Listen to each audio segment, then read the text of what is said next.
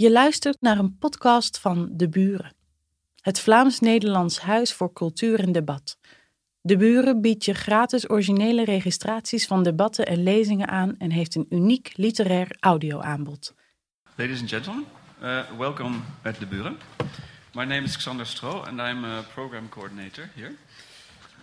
Um, de Buren is the Flemish Dutch House of Culture and Debate. For those of you who don't speak Dutch, De Buren means the neighbors, which, which, of course refers to Flanders and Netherlands.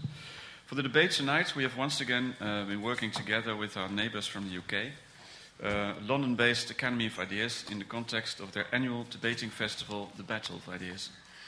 Our collaboration came to be thanks to Time to Talk, which is a European network of centers of debate located all over Europe, of which the Buren and the Academy of Ideas are both members.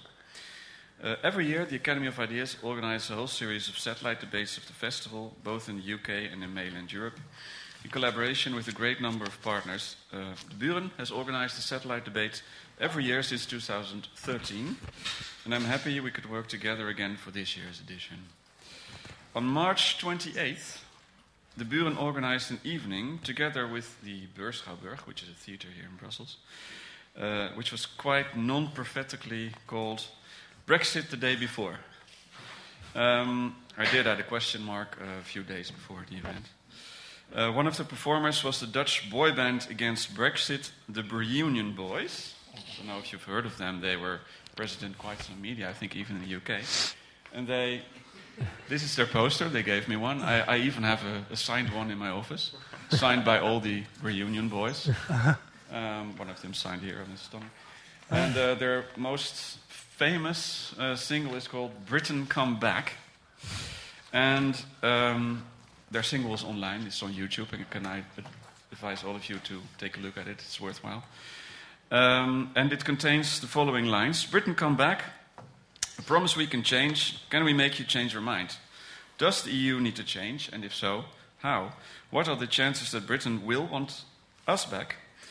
Uh, that Britain will want us back, yes, or uh, won't leave at all? And should we want them to stay at this point? Questions that we will also address tonight, even though we will not just talk about Brexit tonight, I assure you. In a few minutes, Jacob Reynolds of the Academy of Ideas, uh, moderator for tonight, will introduce the debate. He will also introduce the speakers to you and explain how we will proceed with the debate. Um, as you know, originally uh, Bruno Waterfield, uh, Brussels correspondent of the Times, he was going to moderate this debate, but uh, due to well all the everything that's taking place today around Brexit, he had to uh, remain in the European quarter to uh, write about that, as you know, he works for the Times. Um, but the debate uh, is in very good hands with Jacob, and I will give him the floor. The floor now. Thank you.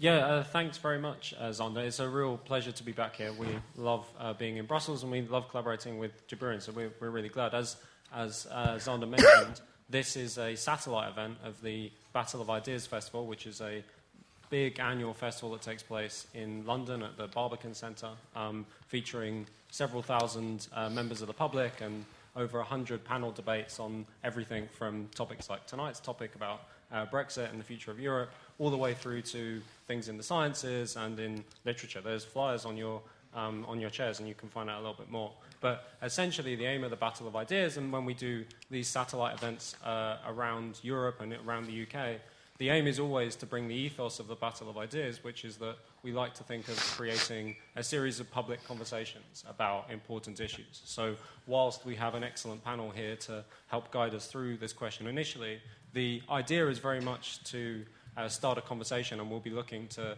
hear from the audience and really generate a back and forward conversation. This isn't um, an event to come and sit and just take some notes from our excellent speakers. This is about you yourselves sort of getting involved uh, and shaping the future through debate.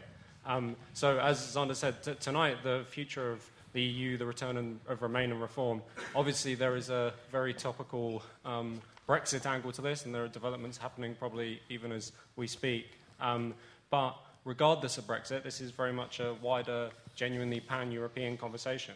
Uh, various crises, from the euro debt crises to migration crisis, uh, the question of populism across Europe, uh, challenges such as environmental challenges or tax evasion challenges. There are all, many questions to which a lot of people say the answer is some form of reform uh, t- for the EU. Um, and obviously, in, t- in the 2019 European elections, this crystallized around this phrase that we posed tonight around the uh, about remain and reform. Um, so there was a talk of a green wave of sort of pro-EU environmentalist parties gaining lots of seats across Europe. And, and so this is very much this topic of can the EU be reformed?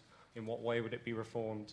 Um, does it mean more integration? Does it mean more de- devolution of powers? Does it mean making the parliament more democratic? All of these big, meaty questions, as well as the question of what the EU would look like if Britain does leave, all of these fold into a broad conversation around what the future of the EU is like.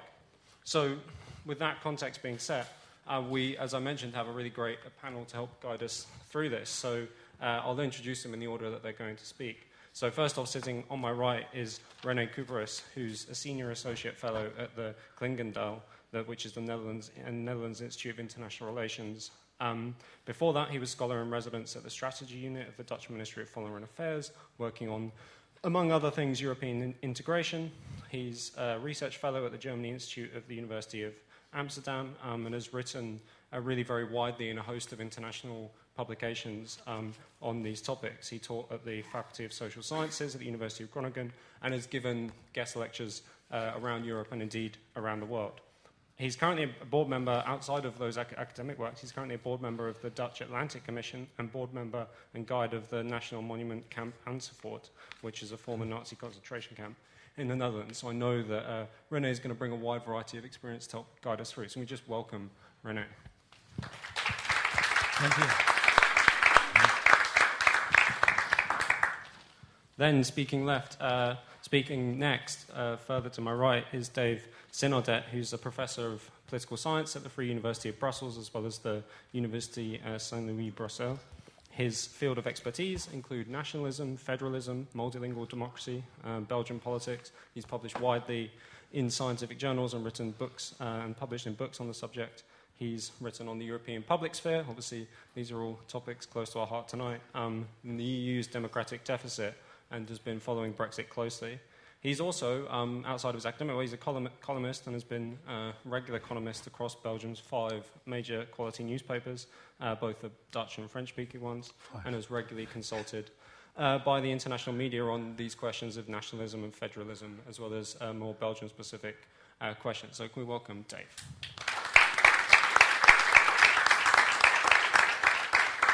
then, uh, speaking third uh, on my far left is Erik Edman, who's the head of the Brussels office for the Democracy in Europe movement, uh, with the acronym that I always butcher pronouncing is like DIEM, or like where are you supposed to put the stress on? It's Latin, so. It's, it's, so I, have got no hope. Um, uh, so, but yeah, so he's a full-time organizer there um, with responsibilities. Uh, he had responsibilities coordinating uh, a new Greek party set up uh, by DIEM uh, in the May 2019 European elections, which I talked about earlier.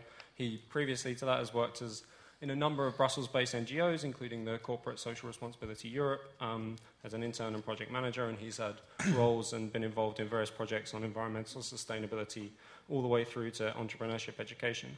His background is history and politics with a MSc in political sociology from the LSE uh, in London, uh, and has an active past in youth representation and activism. And as we were just talking about before, he's Greek and Swedish, born and raised in Athens. So we're delighted to welcome Erik.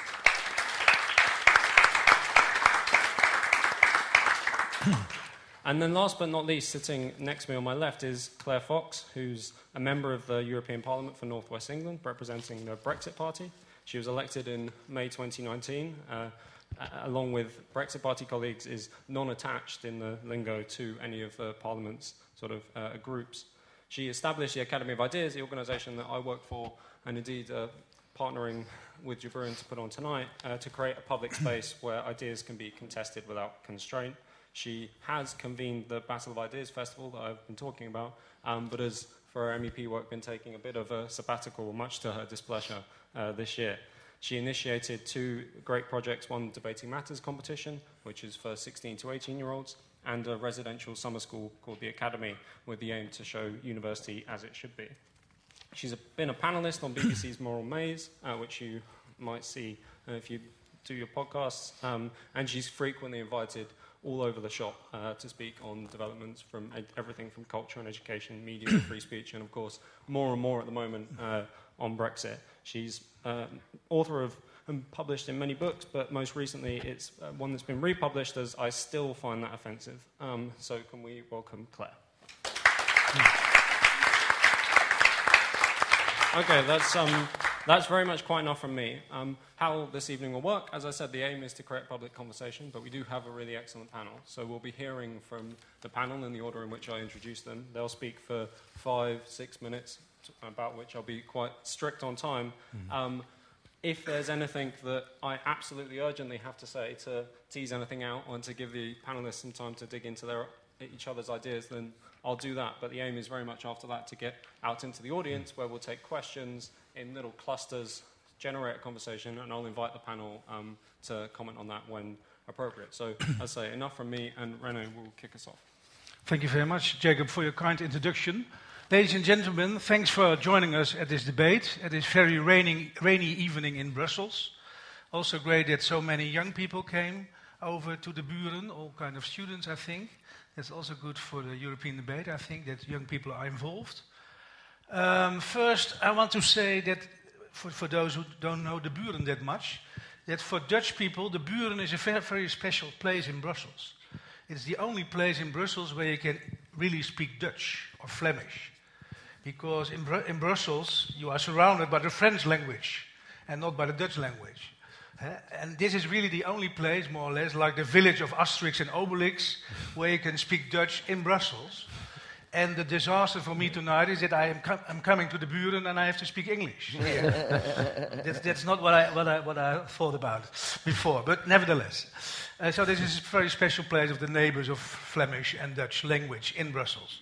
Just to know for those who, who do not, uh, who are not familiar with the Buren. Uh, I want to bring two arguments forward tonight, briefly, because we'll, we'll, be strict on time. And it will be about Brexit, but more indirectly about Brexit, because I'm, and I think some others in the audience might be as well, I'm a bit fed up with the Brexit debate. I even think that we cannot, that's my first argument, we cannot afford, as Europe, we cannot afford Brexit. And we are now experiencing at the moment with what's happening in Syria, what's happening in the Middle East, what's happening in the China US war, we are experiencing a geopolitical explosion in, in world affairs. And at that moment, we are, lose, we are losing Britain, Britain, which we need to become a geopolitical player as Europe. So a, we are talking about a very bad moment of timing. At the moment, we need to stick together as Europe to become a geopolitical player more or less equal to China, the US, and, and Asia in general, at that very moment we are losing Brexit. And we are not talking about the Syrian border, now we are talking about the Irish border. What the fuck are we talking about? We are not talking about the South Chinese Sea, where the next Third World War might happen. Now we are talking about the Irish Sea. So we are completely internally obsessed by this Brexit dossier and by internal EU affairs at the moment that the world is exploding in terms of geopolit geopolitics. So that's, that's very bad. We are, we are, I think we cannot afford this very internal EU Brexit discussions very longer. Because we are experiencing, eh, for me, the Brexit is a sideshow to the much bigger story of the decline of liberal democracy against authoritarian tendencies. And it's a sideshow in relation to the transatlantic breakdown of the Western alliance, which we are experiencing. We are experiencing the transatlantic breakdown of the US European uh, relationship. And the Brexit for me is just a sideshow to that much bigger story. That's my first argument. My second point I want to make is uh, we, we tend, on the continent of Europe, we tend to conceive Brexit as a UK phenomenon only. this pity, this, this, uh, this uh, pity bridge with the Brexit. My thesis is that we all in Europe have to deal with our own Brexits. The revolt of the Gilets jaunes in France is the Brexit of France. It's the internal, inner Brexit of France. Today in Holland, I'm not sure whether you are following the news very much, to my astonishment, we are not following each other's news shows so, so well. In Holland today, there was a huge revolt, revolution of farmers in The Hague. I'm not sure whether you saw that on the, on the news, yes or no. There was really a eh, the, Hague, the political capital of the Netherlands, was besieged by tractors from farmers. This was the Gilets jaunes, this was the Brexit of the Netherlands. This was the revolt of the per- periphery, the revolt of the farmer, the rural areas against the metropolitan areas. Eh, Brexit is also about the periphery against London, the periphery about the south of London. So we all have our own Brexit phenomena in our countries. And it's silly to say it's those British with their, with their stupid Brexit only. No, we are all dealing, we have all to deal with these Brexits in our own countries. We have populist surge in Italy, in Central Europe. We have AfD in Germany, which is also a rural periphery phenomenon. Eastern Germany revolting against Western Germ- Germany. Eh, so we have kind of Brexit phenomena all over the place in Europe. And my, my and I, maybe I will, I, I have to be brief here. My, my argument is follow, following up on this, we have to deal with our, within our own societies with very polarized, fragmenting tendencies, our, our Brexits. And instead of European reform, we need national reform. We need much more national reform than European reform. We need to heal our own societies. We are breaking down, we are breaking apart, fragmenting our societies in two halves, or three halves. No, no, that's not possible, three halves. Um, no, but we need, we need a new social contract to integrate the higher educated and the lower educated and the migrants into a new social contract in our national democracies and national societies before we can talk about European reform. And I will be brief here now. Eh, we have to reconcile, we have to unite our societies first before we can talk again, before we, before we earn the mandate for European reform. That would be my final remark here. Thank you very much. Great, thanks a lot, Rene.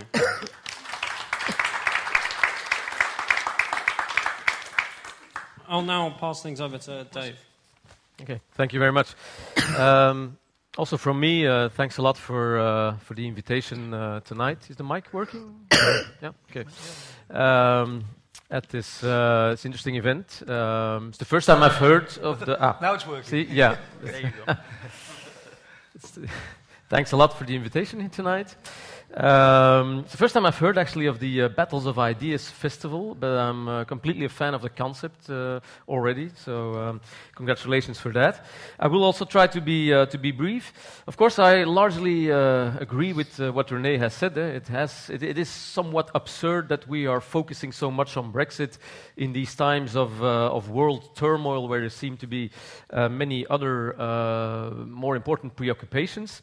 However, let's try to look at it from the positive side. Uh, I think uh, the whole Brexit process of these last three and some years has at least had maybe one positive uh, consequence.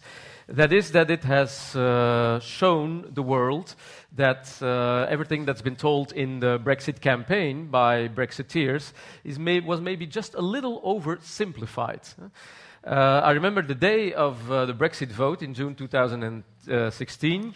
Uh, directly, uh, nationalist leaders of other European countries congratulated the, the British people with their vote. Uh, Marine Le Pen said, ah, mes félicitations, mes chers, uh, mes, mes- mes chers uh, uh, amis britanniques. Now we need a Frexit. Uh, Geert Wilders uh, directly started to shout about uh, the need for an exit. So the feeling was, oh, we're going to have uh, referendums in all the, all the countries uh, fueled by nationalist uh, forces uh, to also step out of the EU. Three years later, I hear nobody talking about no uh, exit anymore, no Nexit, no Frexit. We're indeed uh, much more uh, now in the logic with these nationalist uh, forces in Europe of uh, a reform agenda for the European Union. So uh, clearly, the whole process and uh, the pig's breakfast that the British have made out of this whole process uh, has, I think, shown um, the rest of Europe that, well, maybe leaving the European Union was not such a good idea after all. Personally, I've always thought that it was not necessarily uh, the best idea, not only because it's very difficult to execute, uh, but also because I think that the promises made by, uh, in this case, the Brexiteers uh, to the, the British people uh, are very difficult to, uh, to realize. Um, the, the, Brexit discourse was a lot about control, taking back control was the idea. And indeed, I can understand that a lot of people uh, feel that they have lost control over democratic decision making. I think they're uh, largely right to feel that. Uh, people vote for uh, this party at this election, another party at the other election, and they have the feeling that not a lot changes. Uh, they have the feeling that, that national politicians indeed can't take back control over a lot of the uh, important developments. But uh, the problem is that going back to national sovereignty, going back to the nation state, is not going to give back that control. Uh, rather, to the contrary, uh, the only way I think to gain back control on a lot of very important developments today and a lot of important problems is, uh, is not the nation state, but is uh, international cooperation, is in our case the European Union. Whether it's the, the climate threat, whether it's uh, the fight against uh, the terrorist threat, whether it's uh, immigration, uh, whether it's indeed being able to, to have a real geopolitical position in the world. whether it's even fiscal justice, I think all these uh, problems can, uh, whether we like it or not, we may regret that because things were certainly easier probably in the time that the, the nation state was really still uh, a locus of, of, of, power. But yeah, unfortunately, maybe uh, today uh, I don't think it still is, and the only way to to really deal with a number of problems is to uh, do that at a supranational level, for which the European Union in our part of the world is, I think, still best placed. So I think it's a good idea that we're now stopping to discuss all these exits and that we focus again on what's really important, and that is uh, reforming the European Union uh, in a way that it can uh, better face all these, um, all these um, challenges. Um, reforming, of course, means making it, I think, in the first place, more democratic. Huh? Um, because there, of course, a number of, uh, of, the criticisms addressed at the European Union are rather correct. If we look at uh, how the uh, President of the European Commission was designed uh, in, in um, or designated in, uh, in June, cannot really say that this, was, uh, that this is going to win the prize of democracy. Huh? Um, but then we have to analyze why is this. There was this uh, Spitzenkandidaten process that was um, started in 2014. Well, now clearly this hasn't been followed anymore. Why is this? Well, uh, I don't think it is because of uh, a lack of national sovereignty, it's because of too much national sovereignty. Because initially, uh, the heads of state, the heads of government united in the European Council decided that they wanted to keep uh, more grip on the designation of the European Commissioner. That's why they didn't want to, uh, to agree that indeed a Spitzenkandidat should be uh, the president of the European Commission. They just wrote in the text that it would maybe be a nice idea if somehow uh, the election result would be taken into account uh, when the, the uh, president of the European Commission would be designated. But, well, if it's not possible, then that, that's just a pity, and that's what happened in, uh, in June. So I'm always a bit. yeah, I always think it's, it's a bit weird that people who say, well, uh, we need to go back to more national sovereignty because the European Union is undemocratic. Oh, look how the, the president of the European Commission is designated. Well, maybe that's, not, that's because there's too much national sovereignty, because the heads of state all want to keep uh, their own role and their own power over the designation of uh, important European positions. Actually, it's a bit the same as with uh, the criticism on the European Union now concerning uh, Turkey and the invasion of Turkey in Syria.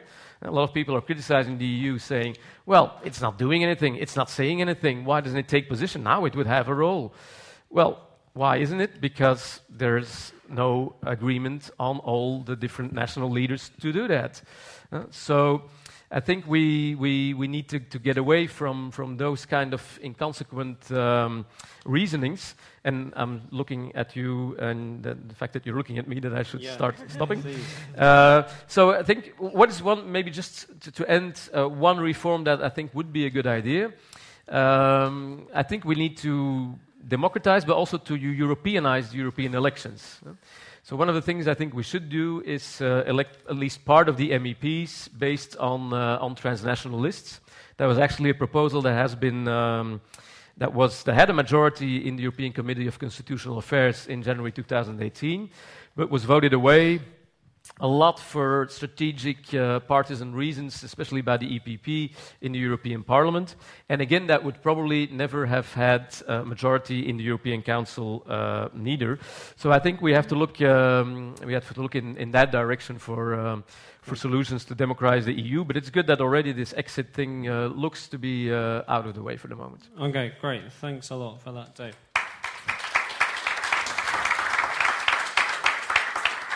And handing over to Erik for your opening thoughts. Thank you. Hi, everyone. Thank you very much for the invitation. Um, I'd like, there's so much to talk about. I'm sure we will through the discussion, so I'll keep this brief. I'll stick to a couple of points that I'd like to set out from the beginning in order to create like a foundation for the discussion out of what we've already heard so far. I think point number one is that is using Brexit as really an example of a process and of a situation that describes something that many of us, regardless of our nationality, can relate to because it's things, elements of things that we can see in our own societies, right? And one of them is the demonization of those who don't agree with us. That's point number one, right? So you have a society completely divided into two Remainers and Leavers, and they're both the devil in the eyes of the other, right? And mm. a binary question, a binary question about whether to stay or leave in the EU has been funneled and uh, brought down to a number of basic sort of criteria and, and characteristics. If you're a leaver, you're a xenophobe, you're racist, you're anti-European, all these terrible things, when in fact, you know, D and my organization, we campaigned for, for remaining in the EU. And the vast majority of people that came up to us afterwards, obviously this is also our target audience. I, am half Greek, like uh, Jacob, said, uh, Jacob said. And they came up to me, for example, and they said, How can you, as a Greek, as somebody who has seen the worst face of European authoritarianism, come here and tell us to remain in this European Union. What's the catch? You know? So there is, and we will get into why we should stay in the European Union later, but there are a lot of people that voted to leave the European Union for a variety of reasons, and it really doesn't help anyone to oversimplify either side. And unfortunately, right now, in the sort of political arena of the, Euro- of the United Kingdom, you have political parties that are using and abusing this division you know, the Tory party, the Brexit party, they are feeding off this division by presenting themselves as the champion of a projected sort of part of the population that they use as the core electorate in order to position themselves as the sort of, you know, representatives of the people versus the other. So although it's important to remember that, it's also important to realize that political representatives and political parties a, have a huge responsibility in ensuring that society remains united and not divided, and not to go with their worst instincts and abusing those divisions for political gain. That is very important. And right now in the UK, I would say that Labour's position, Jeremy Corbyn's position of saying, look, we will offer you a referendum based on two options that are not destructive to our society, and you decide, and we will not try and push you either way, sounds for a very, very toxically divided country like a very mature and responsible position to me, you know. Um, I think that's important to point out. And the second one is that I'd like to tackle is this myth of the unreformable European Union, right? Mm-hmm. Um, every time you start talking about changing the EU, uh, that is really where dreams go to die. You know, reforming the European Union, good grief, changing the treaties. Nobody's going to ever be able to do that. It's impossible. However, human history is a continuous story of incredible political revolutions succeeding one another, right? And that is progress. That is what happens. And the European Union is such a jump in political, economic, and social history in Europe, right? However, since its creation and because of the kind of political um, interests that created the European Union, it has stagnated and it's gotten stuck into what is essentially a cartel for big interests, right? With a democratic fig leaf that is the European uh, Parliament. But it really doesn't live up to the promise of the principles and the values that it was established on, right? Solidarity, shared prosperity, those are not the values that drive the European Union today, unfortunately. Um, However, this idea that because it was created by people who are not our friends, who are not our allies, and it is therefore de facto um, evil, it is de facto a structure and a tool that is used for interests other than those of the people, is problematic. For example, uh, Claire comes from a country uh, that has an unelected House of Lords, an unelected hereditary monarch who can prorogue parliament based on the suggestion of an unelected prime minister.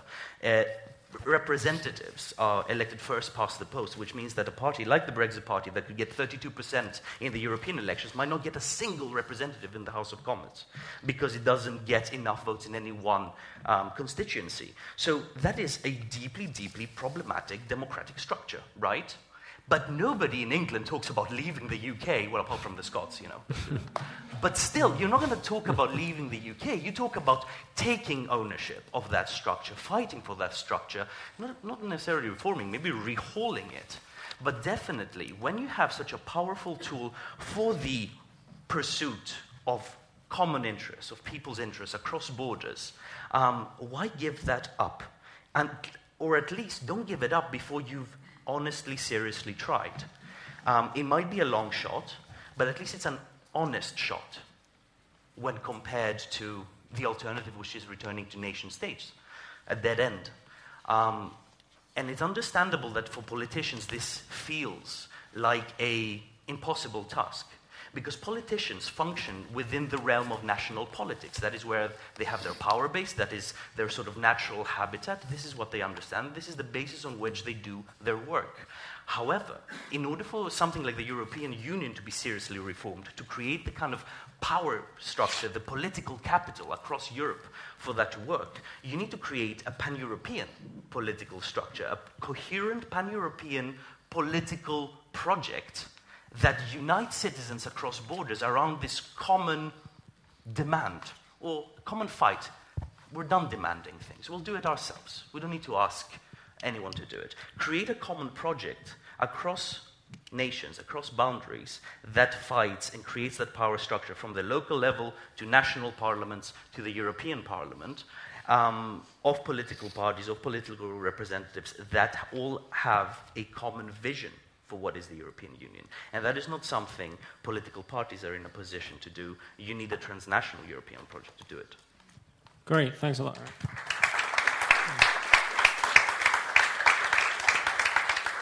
And uh, finally, for the opening remarks, uh, Claire. Um, ever since the referendum in the UK, this expression of Remain and Reform has become popular. Actually, it wasn't so popular before that, apart from by David Cameron, who was the Prime Minister. I mean, that was his basic strategy. We should remain in reform. So it was a kind of Tory Conservative Party policy. But it's now very popular, particularly amongst my peers on the left. And this is the way the argument goes. People who were never critical of the European Union before the 2016 referendum and are still very pro the European Union uh, since the referendum propose Remain and Reform as a sop to leave voters um, but really as part of a, a, of a campaign ah, to stop Brexit. Sorry about that. Um, the other group of people who uh, campaign for uh, Remain and Reform tend to be self declared Eurosceptic leftists in the UK who actually, alongside myself and many others, argued that we should leave the European Union until a referendum was called. And as soon as the referendum was called, then decided that actually they didn't want to side with the right wing and so they basically kind of fudged on what they did. And so they've now developed kind of thesis around remaining and reforming. So I, I, say that because I think that remaining reform is very popular, but I do think the context of it in the UK, at least, has been basically rather anti democratically to stop us leaving, despite the fact that we voted to leave. But I actually agree with a lot of what has been said here because, you know, I, I wanted to uh, quote you. This is actually a Labour Party Remain and Reform leaflet that says this um, lies that Brexit, it says that the problem for voters is that there was lies that Brexit would allow Britain to take back control when all the critical policies that have wrought so much damage and hardship for working class lives in the last decade were conceived not by some remote Brussels bureaucracy, but by a highly centralised British state. And that is true. I am actually not here to bash the foreigners. I think it's a misunderstanding of why I think the European Union is not reformable. I think that the argument that is put forward is that the Brexit vote was really an expression by poor working class people uh, uh, lashing out at their political class. Um, and that uh, actually it was a real mistake that they really wanted to attack their own uh, ruling class, but instead they scapegoated and blamed the EU. But actually, British voters aren't that stupid because I think they got it right, which is, is that the British political elite were exactly who they should lash out at because the British political elite, like the elites from all European countries, set up the European Union to ring fence off democratic decision making from the electorates in each and every one of the member states. So it's more complicated uh, than is sometimes said. I think the EU is unreformable because it actually is set up, its intention is as an anti democratic uh, way of ensuring that certain decisions are kept away from the electorates of different countries.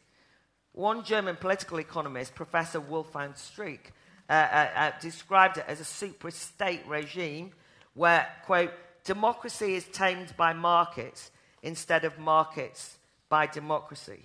And he says that the purpose of the whole edifice is to depoliticize the economy while at the same time de democratizing politics. In other words, democracy itself is locked out uh, of the EU by design. It's not a design fault that you can reform, that's its intention. And EU integration over the uh, recent years, since the 80s, has deliberately insulated vast areas of political policy making from democratic scrutiny and contestation in every single one of the European states. So um, I, I, think that the true instinct behind the Brussels machine um, is to absolve national governments of the burden of having to consult us, the voters, the electorate, about important political and social matters in favour of various experts, cliques, and technocrats. I, I, really like this quote from Mario Monti when he was uh, imposed as an unelected technocrat and charged with running Italy on behalf of Brussels. And he boasted about the aloofness of his role. He said, The absence of, political, of, of political personalities removes any uh, ground for disagreement. The, I'll say it again. The absence of political personalities removes any ground for disagreement. That's the EU all over. You know, politics, personality, debate, disagreement, nothing to do with the EU. But actually, that's the lifeblood of our say as citizens, as our democratic rights. Now, this is a contested story um, I'm telling you. I have colleagues here from the Brexit Party who might not agree with me because for traditional Eurosceptics, on my side of the argument, the European Union is something out there. It's a supranational entity that threatens British democracy by its multitude of uh, regulations and directions. It's stuffed full with unelected technocrats in the European Commission who lord it over national governments and national parliaments.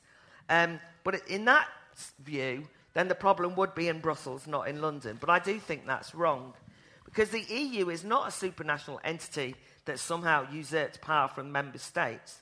The European Commission, the EU's central bureaucracy, only employs 25,000 people.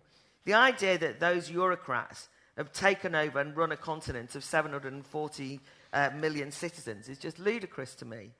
For me, the issue around the Commission's directives and regulations, the wider body of EU law, um, is not predominantly that it's enforced by a European court, but actually it's enforced domestically. Um, and what you've uh, basically got is uh, uh, the ruling classes of all of the countries actually using the EU to avoid their own electorates.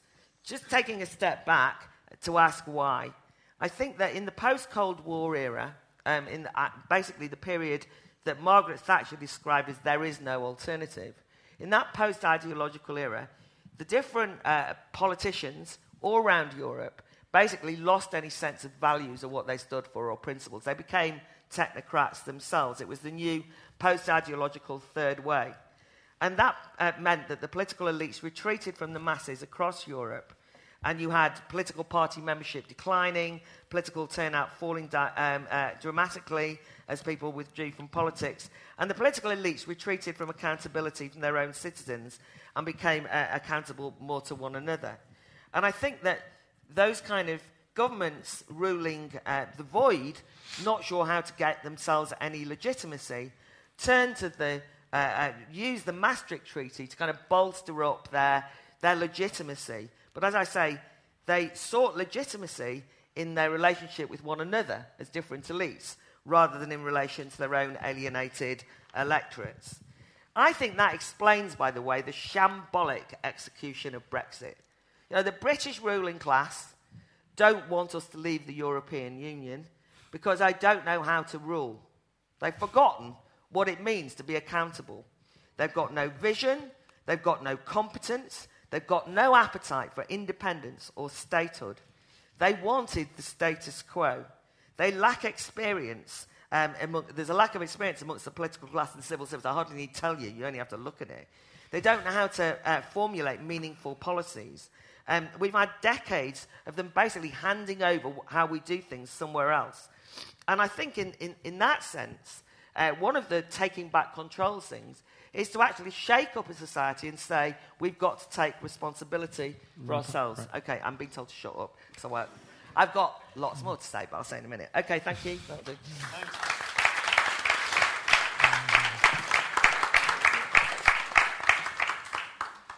So, obviously, an, an, awful lot on, on the table already, as well as uh, perhaps a little bit surprisingly, some slightly broader areas of uh, agreement around the uh, internal nature of the problems uh, across Europe and the fact that whatever the crisis of the European Union is, is as much a crisis of national governments as it is of the crisis of the EU as some independent entity. There, there's an awful lot I, I, I, could say to tease it out, not least um, the, there seems to be a, a, a, already a substantial disagreement on how, if there are these fault lines and problems, how we then go about uh, re engaging people. Um, in democracy, in political decision making, and whether that kind of project can ever be delivered from the top down, as it were, or what, what the, as, as, in the parlance goes, what the sequencing of these things is and how you address that deficit. I'd, I'll be happy to hear some um, quick comments from the panel on that, and just to pick that up quickly, and then very much want to go out to the audience. Um,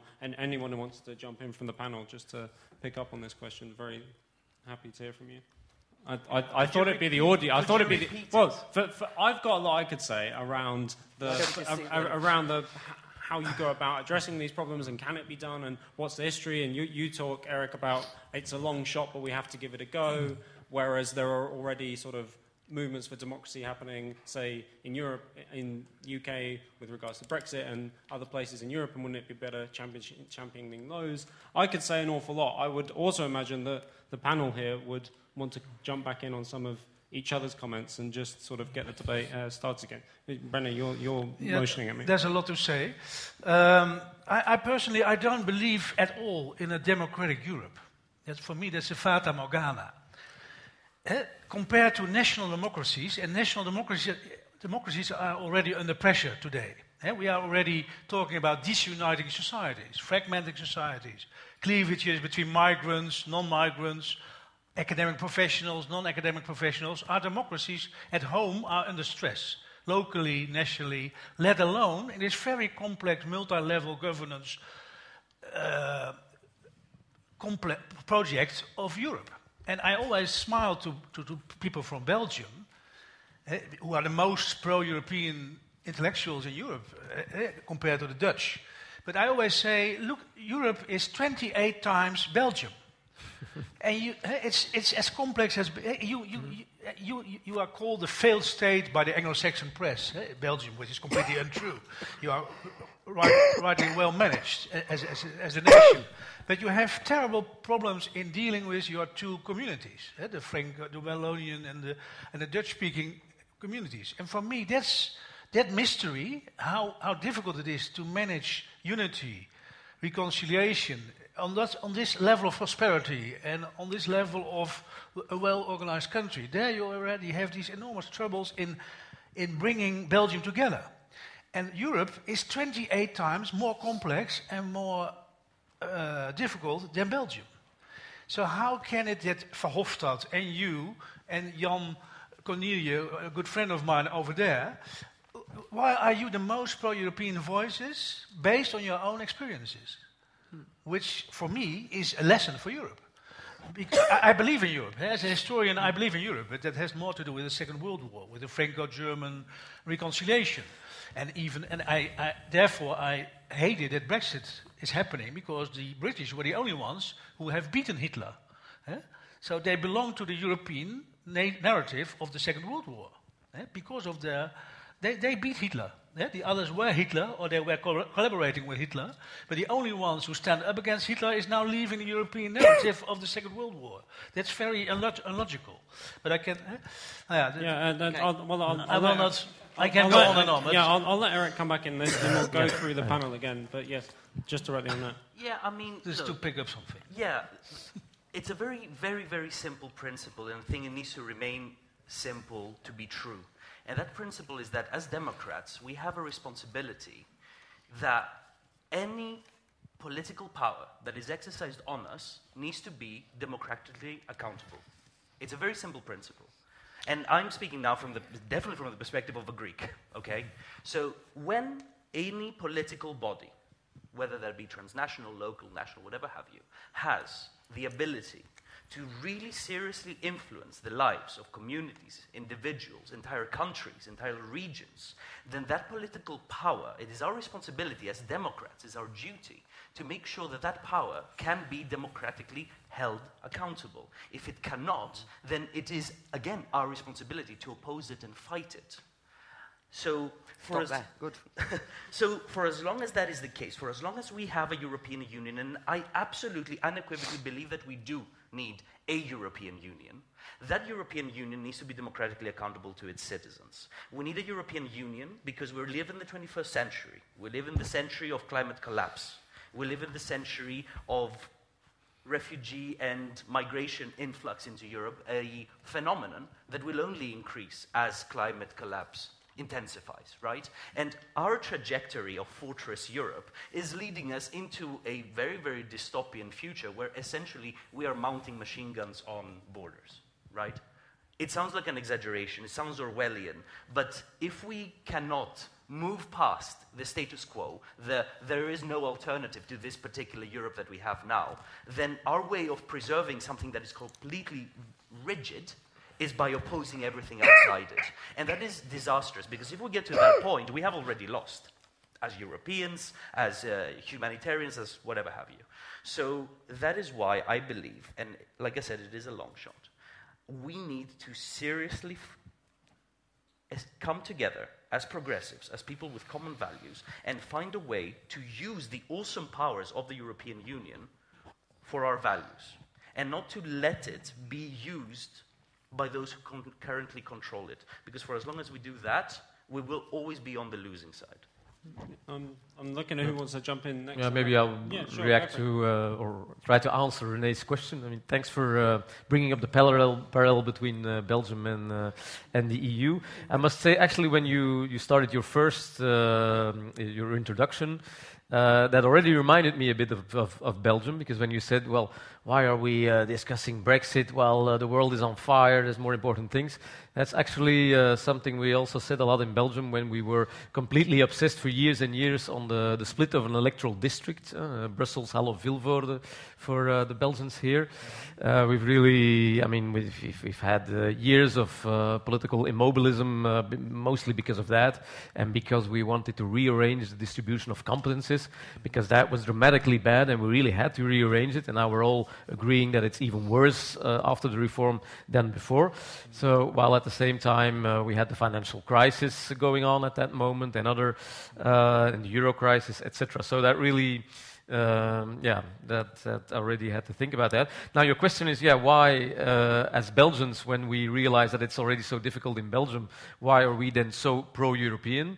First of all, I'm not sure that the pro European consensus of Belgium is still as, as strong as it used to be in the past, but that's another discussion. Well, maybe because we just realized that indeed it is not easy always to make a multilingual democracy work, to make a multinational democracy work, if you want to call it like that. But that it is maybe necessary because the alternative uh, is even worse. I mean, yeah, you could try to split up Belgium, but there has not been one uh, good proposal for that, especially for what to do with Brussels. Uh, and the same in the EU, as I've just explained. Yeah, you can try to split it completely up again, but as I've said, we just need uh, today to face the, the important challenges in the world. We need supranational democracy. I mean, we can pretend we don't, but yeah, I don't really believe that. So, okay, it's not easy, but let's stop complaining about it and let's just try to, to, to make it work, which we're not doing enough in Belgium because we're also too much focused on, on um, things like confederalism, which is also something very vague um, and, and, some, some marketing word for separatism, which probably won't work and which takes away energy for thinking how, how to work to make Belgium work better. Same with, uh, I think, with the EU. Um, but also, also, I think there is a just to finish another thing I would like to react to. You, you called the, the European Union undemocratic. I wouldn't say that. I would say that the European Union has a number of democratic shortcomings, that it has a number of deficits. But in that, it's not so different from a lot of nation states. Uh, I think uh, Erik gave a, uh, a, few nice examples of democratic shortcomings and democratic deficits in the UK. Eh? Unelected Prime Minister, uh, House of Lords uh, unelected. Uh, recently, I thought that was completely ironic. Uh, Boris Johnson said, well, we need to take back control. We don't want to be governed by Brussels. We have to be governed by our own representatives in Westminster. But then he suspends Parliament to be able to pass his Brexit plans. A bit bizarre. Uh, so I think on a lot of national levels there are also democratic problems. There are serious democratic problems in the EU, but I don't agree that it's undemocratic. It's based a lot on national democracy. Uh, which is one of the reasons why uh, the European Parliament probably doesn't have enough power as it should have, uh, because it's based on, on the powers of the head of governments, and they're accountable to their own national parliament. So they, they function within the logic of national democracy. So that is democratic. It's yeah. not democratic at the European level, but it is democratic in uh, nation state logic. I know, I but that's. Can I. So, because I know we want to get out to the audience. So this is the deal. Historically, democracy was fought and forged and gained in the geographic areas of a nation state. Mm-hmm. We might not like it, that's the reality. We have national demos, and they were forged often. There was a lot of blood and toil involved in a lot of this, but you know, that was what happened.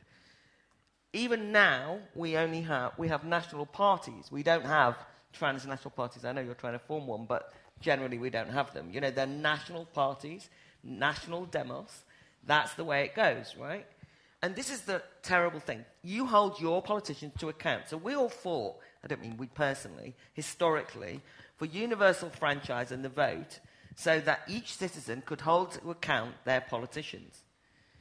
The European Union is a structure that takes that national accountability and that democracy and basically takes away some of the decision making powers of those citizens in each nation state.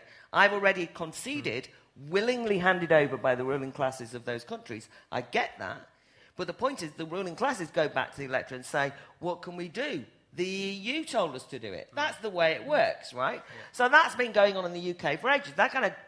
Off, a lot of legislation that people call EU legislation in the UK and moan about, I know was suggested by British politicians. I get that. But the point is, they found it easier to come to the council, sell it this way, and then go then to bring it to us, the people, right? The worst thing about this is we then assert national sovereignty in a referendum which we didn't call but was called and we were outsourced to us to make a decision. We voted to leave, and then we were called nationalists as though we were kind of right wing xenophobes. Whereas actually, national sovereignty and an assertion of national sovereignty is not reactionary, it's democratic, it's in a fine tradition of progressive ideas. And so, I, you know, I think that you, people keep saying, we want a union. I mean, rightly pointed out, you know, you believe in the European ideal. So do I. I'm pro European. I don't think the EU the EU as an institution, it betrays that ideal. It's anti democratic, it's anti freedom. All of the great Enlightenment thoughts that came out of Europe, let alone the aspirations of post the Second World War, are not embodied in the European Union. It's a highly regulatory, uh, by the way, acts in the interests of the, you know, largely of capital uh, from different countries or large companies, and certainly doesn't in, act in the interests of, uh, of ordinary working people. And that's my concern about this romantic idea that the EU can be reformed in, in, in because it's got nothing democratic about it in the first place. That's my point. Okay, I've, as I say, the Battle of Ideas is very much about creating public conversations. We know they're keen here at De Buren for that as well. So, despite the bright lights, I can make out um, a couple of hands. There's, there's a microphone. Yeah, the, the, the, there's a guy with the microphone, but there's, there's plenty of hands I can see that will work, uh, I guess. But start with that guy, yeah, that you're near, Xander, and then we'll make sure we get all these hands in. We've got plenty of time for discussion. It's, it's, it's, it's okay. everyone will get a chance to speak. It'll be fine. So, um, yes, uh, you, uh, over to you, sir. I'll, I'll, make mine as brief as possible. Um, I think it mostly regards René's uh, opening remarks as well as Claire's. And I guess the nexus of it is when you guys were discussing because what I drew from your opening remarks is how can we maintain a democratic Europe while being agile to unfolding events in the world and making sure that we're not too distracted. Mm-hmm. And I understand the core of Claire's argument, which I also agree with to an extent, but I feel like we're toiling to a dead end as well because we're saying the nation state, is, I feel like we're in two binaries as well here because I feel like we're saying the nation state is democratic and the, the supranational institution is undemocratic. So the European Union is anti democratic. But when you say that, I feel as though you also have a responsibility to tell your audience that even at the level of the nation state, those in the nation surrender democratic freedoms to the state.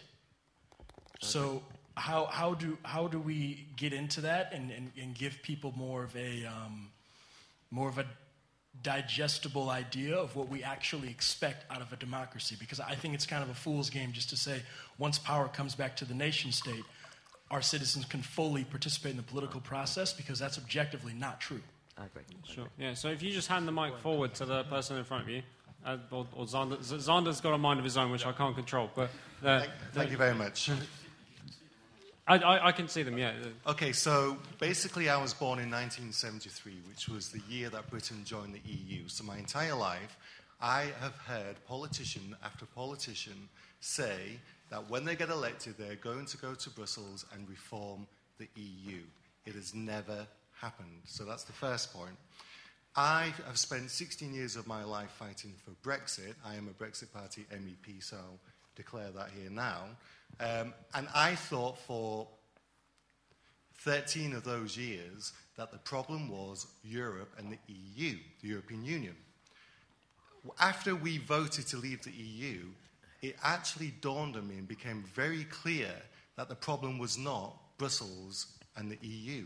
The problem was Westminster and my own politicians who had given away sovereignty because, as Claire pointed out, they didn't know what to do with it or they didn't want to do anything with it. Now, I'll give you a very good example of this. Uh, quick very quickly, um, I had a meeting three years ago, just before the referendum, with a minister from Wales, from the Welsh government. Alun Davies came to see me, and we were talking about Brexit. And he said to me, We cannot leave the EU because in Wales, we do not have people who are able to make legislation for the people of Wales. That is, along the lines of what Claire was saying, the problem that we have. And that's why in the Brexit Party we say we want to change politics for good. 70% of people in an in a, um, opinion poll held over the weekend said, 70% of people said they want political reform in Britain. Forget about Europe and the EU, in Britain, because we've all seen now from this um, Brexit fiasco, that actually the fiasco is all from Westminster, from within. So that's where we're coming from. Okay, great. The, we'll pass the mic uh, back there. There's want to make sure that the people on this side of this room get a hearing as well. But yes. Yeah. Uh, the most sinister thing I've heard tonight is this idea, and it was almost a throwaway line about transnational lists in voting. How are you going to implement that? Are you going to ban parties from standing as individual parties in countries? Because you could have transnational lists now if people wanted to identify as an EPP candidate. They can. They can put that on the ballot paper in the UK, in uh, uh, other countries. But are you something, something more sinister where you actually stop people representing a party or standing as independents? Uh, how does this work, this transnational list? Because I think it's very sinister, and it's what happened in the Soviet Union, how things happen uh, in dictatorships where they stop democratic parties from functioning. That is very sinister. So I was, I was, hoping that this would spur some of the people on this side of the room to get this. Uh, there's, there's, a, there's a hand over there. Then, then, then we'll get. A this lady was already. Uh, yeah, she was, I'm, I'm, she I'm get, first. That's fine. I'm, I'm get, very much getting the feeling that in okay. Brussels you have to have everything so, is in the right order. um, yeah, I was more for Erik. Um, you said that the Brexit Party and the Tory Party are abusing political divisions. My question to you is: When are political divisions genuine political positions?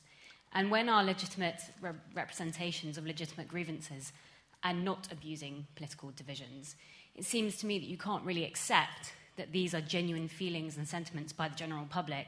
And do you not think that is very patronising, belittling, and dismissive of genuine thoughts and feelings of the general public? Um, and my second question is when MEPs can't create legislature, how do ordinary people remain and reform what is your plan? We're often asked as Brexiteers, what's our plan for Brexit? What's your plan for that, step by step? I'd like to know. Okay, great. We're going to come over to this lady here because no how to Then we'll get the panel in. I know there's going to be too much for the panel to address because there's been loads of great points from the floor, but we will get some thoughts. So we'll go over to this lady first. Well, let's just throw everything into the mix. Um, I'm Alan. I'm Canadian, but English Canadian. Um, and so some of hi, hey. um, and uh, I was really interested Claire, by what you were saying about the sort of, you know, the forging of democracy. And certainly in my context, my nation was not really forged by people. It was actually forged mostly in London and, you know, politicians in Ottawa very much. And then they did that thing similar to the EU of going to each sort of colony and region and going, hey, we'll give you a railway and some patronage and some money. Do you want to come and join with us? And so that kind of practical, pragmatic politics, it's not as sexy, but it is how other nations do get formed. Um, but it also made me think a lot about uh, the English question. Because one of the things that I always found really odd learning more about the English system was how England doesn't have a parliament. So you have Northern Ireland, you have Scotland and Wales, all with devolved powers, all with their own legislature, additional layer of democracy. You know, the, some of the we want back control, to me that sounds like a democratic deficit, but is the democratic deficit is it appropriately placed at Europe's footsteps and not at Westminster's, where you have politicians thinking on a federal level about you know international relations and all of that kind of stuff, using the healthcare system and the education system as pawns for geopolitical uh, practices and policies. Whereas, you know, lots of the other regions, they get to regionally decide where they're going to put, you know, the funding, social funding, which tends to be a more regional policy. So I just wanted to throw that into the mix. Okay, great. Uh, nice questions before. I'll, I'll, I'll, get some comments. I'm eager again for this to be relatively right. So whoever wants to jump in to tackle some of those, uh, do feel free. I, am quite happy to just uh, say that, Dave, you can kick things off, but uh, anyone can jump in. It yeah. looks like it's you, Dave. Go on. Okay. um, what have I written down here? Yeah, but I heard somebody say, well, it's been 30 years or longer uh, since, uh, well, since 1973, yeah, 46, that, uh, keeping count. that there have been promises of reform in the European Union. It's never happened. Well, I don't know if you noticed, but in the meantime, the European Union has strongly reformed. Uh, maybe not in the direction that, that you would have liked to have seen it or that some other people would have liked to have seen it, but actually, uh, the European Union is something that, I mean, in, in, right after the war, it didn't even exist yet. Now we have uh, quite a full-blown, uh, full-blown institutions of supranational democracy, which have been reformed at different times. There's been the, the Treaty of Maastricht in the 1990s, Treaty of Lisbon uh, afterwards, which have actually also democratized, not enough, but uh, democratized uh, the system, uh, made the European Parliament uh, more powerful. I mean, there have been uh, reforms. It's not just that it's a completely immobilized uh, system. so, so there are, there, are, there are forms of reform. Now, the transnational lists thing, I suppose that that question was also aimed more or less at me, or maybe at Erik, who also kind of mentioned that. Um, the thing about that proposal is not about banning uh, parties or, or banning lists. The question is just uh, at which scale do you organize your uh, electoral constituency? Which is uh, a question that is also posed in a lot of national democracies. For instance, the Netherlands also have a sort of system with a, a national uh, electoral constituency. I know it's a little more complex, but in the end, that's, that's also the system. Other uh, countries have very small electoral constituencies. And so here the idea is to elect just part of the MEP members on uh, a constituency that would comprise the entire European Union. Within that, it's free for everyone to just uh, uh, introduce a list or not introduce a list. Yeah. That can be a national list, whatever. Um, logically, the idea is that that you would find some support. And the idea is that that would democratize the system because now you are uh, represented by people you cannot vote for. Uh, most of the people uh, in European Parliament you've not been able to vote for because they only stand in one of the 27 other countries, uh, with a system which has at least partly one uh, general European constituency. Uh, everybody can vote for the same candidates, and all the candidates, instead of just catering for their national electorate and national uh, audience, will have to take into account the interests of the entire uh, European citizenry, okay. which seems more democratic. Yeah, thanks. I'll, I'll go to Claire next because you always yeah. end up being. Um, so, um, just on that, I can imagine going out. I'm Brexit Party. Uh, hello, how are you in France? Do you know what I mean? I mean, it doesn't make any sense even at that level, right? But um, anyway, I wanted to talk about the, the point that you, you rightly raised about how do you, you know, what does this mean when you're talking about national democracy? People have to understand in relation to their relationship to the state.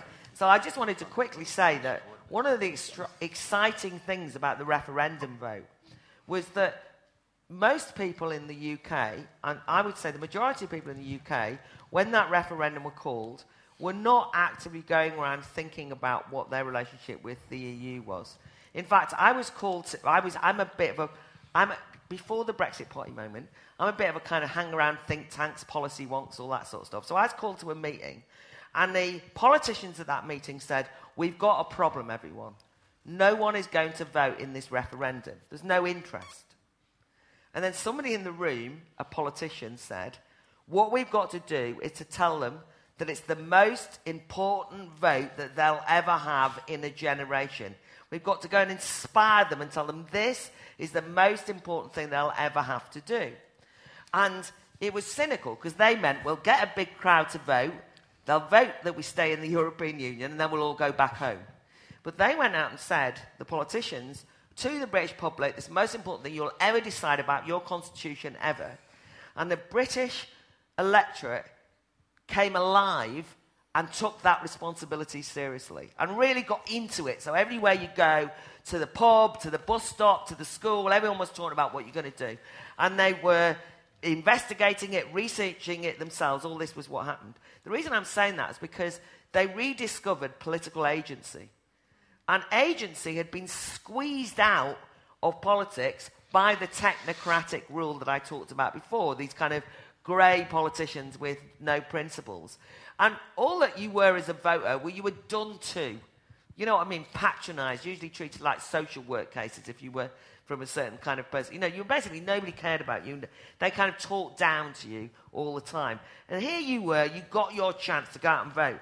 And what is so, so it's been a political lesson. And as soon as they voted the wrong way, the next political lesson was that everybody then thought, oh, they told us that they, wanted, they were taking us seriously.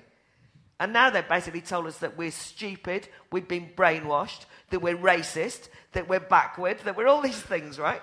So then that's been another political lesson. So ironically, even if Brexit has done nothing else, it's taught a few political lessons. But you're absolutely right. Leaving the European Union doesn't solve the problems of democracy in the UK. But it gives you a chance to because you're reclaiming sovereignty, popular sovereignty. And one thing I will say is if they get away with overturning democracy and it's be like a punishment shooting, you know what I mean? You try to, to vote a particular way, we won't let you, you're going to suffer, we'll demonize you, traduce your reputation, and you're not going to go until you, go the right way. Well, that lesson will be that democracy in the ballot paper ain't worth having. And that's a terrible, backward, awful uh, uh, uh, uh lesson for us to have. So, what I'd say is have faith in, and I would want to inspire. That's why I want to say to people from different European countries, you know, I think the EU is not the way to reinvigorate democracy, but it's up to different countries what they do. That's entirely fine, right? But I actually hope that people don't fall for, you know, there's a lot of talk about fake news and disinformation, misinformation. I hope you don't fall for a lot what you hear about what happens in the UK. Because it reinvigorated democracy. And people should be enthusiastic about that at the very least. Thanks. And Dave? Yeah. A few Sorry, René. Uh, Dave? Sorry. Uh, René, yeah. A few observations in reaction to the interesting questions. First of all, I, I think that the, the phrase reform for me is a hollow phrase. Eh? Which reform do we mean? Do we mean the reform by Hung- Hungary and Poland? Do we mean the reform by the populists? Do we mean the reform of the federalists? So democracy is a, is a battle about what reform, what, what party, what country is leading the reform. That's democracy about. That's a battle of ideas in Europe. So the idea that, that reform is good, we can have very negative reforms. Eh? So that for me, that's a hollow phrase. And the other, other point is, I also oppose, oppose the idea of the EU as a capitalist conspiracy. Look at the EU. You have Scandinavia, you have the Netherlands, you have Belgium, you have very egalitarian, you have egalitarian paradise in the EU, and you have non-egalitarian country like the UK. So not European reform is the answer to the inequalities of the UK. It's Westminster, which is the answer to inequalities in the UK. It's Westminster which is the answer to the enormous regional disparities in the UK, which are completely unprecedented in Europe. And so, very democratic welfare states can live within this capitalist EU. Look at Scandinavia, look at the Netherlands. It's, it's too easy to blame the EU for inequality in your own country. Also, maybe migration is a bigger cause for inequality than the EU also a, a, a tough issue, but uh, that, so you should rephrase or reframe the debate about Europe in, I think, in strict lines. A few two last observations. My, my fear is that we are now in a, in a, in a world, worst of two worlds. We are living in a condition where we have to deal with a weak Europe and a weak nation state. We are in the middle. We are in the, middle of weak nation state and weak Europe. And my big question, especially for the Belgians here, eh, who believe in the strong unity of Europe, and your, your question was about that as well, how can we make leadership in a EU which is so divided? Principally, eh, democratically and principally, it's all, it will always be a very nice variety of cultures, languages, countries, political cultures we have a division between East and Western Europe, we have a division between North and South. We will never have the leadership of China or America. And if that's true, what is then the answer to the geopolitical situation we are in? With, how can we arrive democratically with respect to small nations, not, leaving, not letting Germany do all the work? That's, that can be a model, let Germany lead Europe. And then we can have the geopolitical cloud as China or, or or America. But that's, that's a big question for Europe. How can we organize leadership based on this enormous, rich diversity and variety of our continent? Cool. Thank, uh, Erik. Cheers, Jacob. Um, right, to start from the demonization and all these things, and I'm terribly sorry to hear that I might have come across as patronizing. It absolutely was not my, my intention. And I am someone who, like, from the very beginning says that there has been uh, active attempt at demonizing and vilifying people who voted, especially to leave, especially to leave. But the same can be said about Remainers or Remoaners. You know, all of these things. It's toxic. It's just toxic. It's not a good debate. It's not a good basis for debate. Um, but what must be said is that since the Brexit referendum, there has been a rise in xenophobic hate crime right? There has been a rise in racism. There has been a rise in crime that is attached in one way or another to racism. Okay. Yeah. Allow me, please, to continue. Because I'll get to your point. It's also to respond to what Claire's saying. So that is because any project that has as a title the return to the nation state, taking back control, that is, no matter how well intended you are, no matter how progressive the reasons why you wish to engage with that project, you are playing a game that the far right can play a million times better than you. Because that narrative of taking back control, of going back to the nation state, that is something that plays directly into the hands of the right. And it's very, very difficult, I would say impossible, for the left to compete with, at that level. So that is problematic in itself. So I would question whether or not we have the ability to have the discussion as leftists. And also, I personally don't think that you can be at the same time be a lefty and be against transnationalism. I don't think that is a thing. I think that is a very dangerous concept. I think one of the most powerful and strong principles of the left is the idea that people have more in common across borders than they do necessarily within them. I think that's an incredibly beautiful thing that the left has contributed to the political narrative. And it is a shame to see le- people on the left turning their backs to this incredibly powerful principle that we could strengthen through a different European Union than we have today. Definitely not with the one that we have currently. Um, okay, I'll skip this bit because it'll take too long. Yeah, just- yeah, yeah, yeah. So politicians reforming the EU, failure, of course, they failed, they didn't have a plan.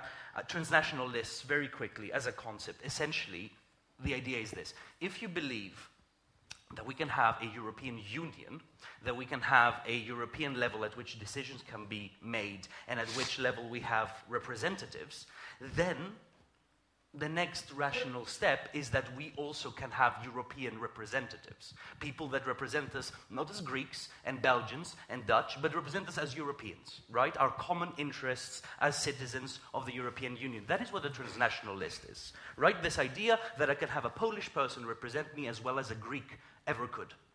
And I don't think there's anything wrong with that, and I think there, it isn't some kind of Soviet conspiracy. I think it makes sense um, if you believe in a European, a democratic European Union. And now, finally, to go back to the um, lady at the back. So, about genuine divisions, I do believe that all divisions are genuine, as long as people think they're genuine. If in one's mind you have a difference with somebody else. It doesn't matter if that difference is well founded or if it's based on truth or not, or, or a sort of projected narrative that is not entirely based on truth.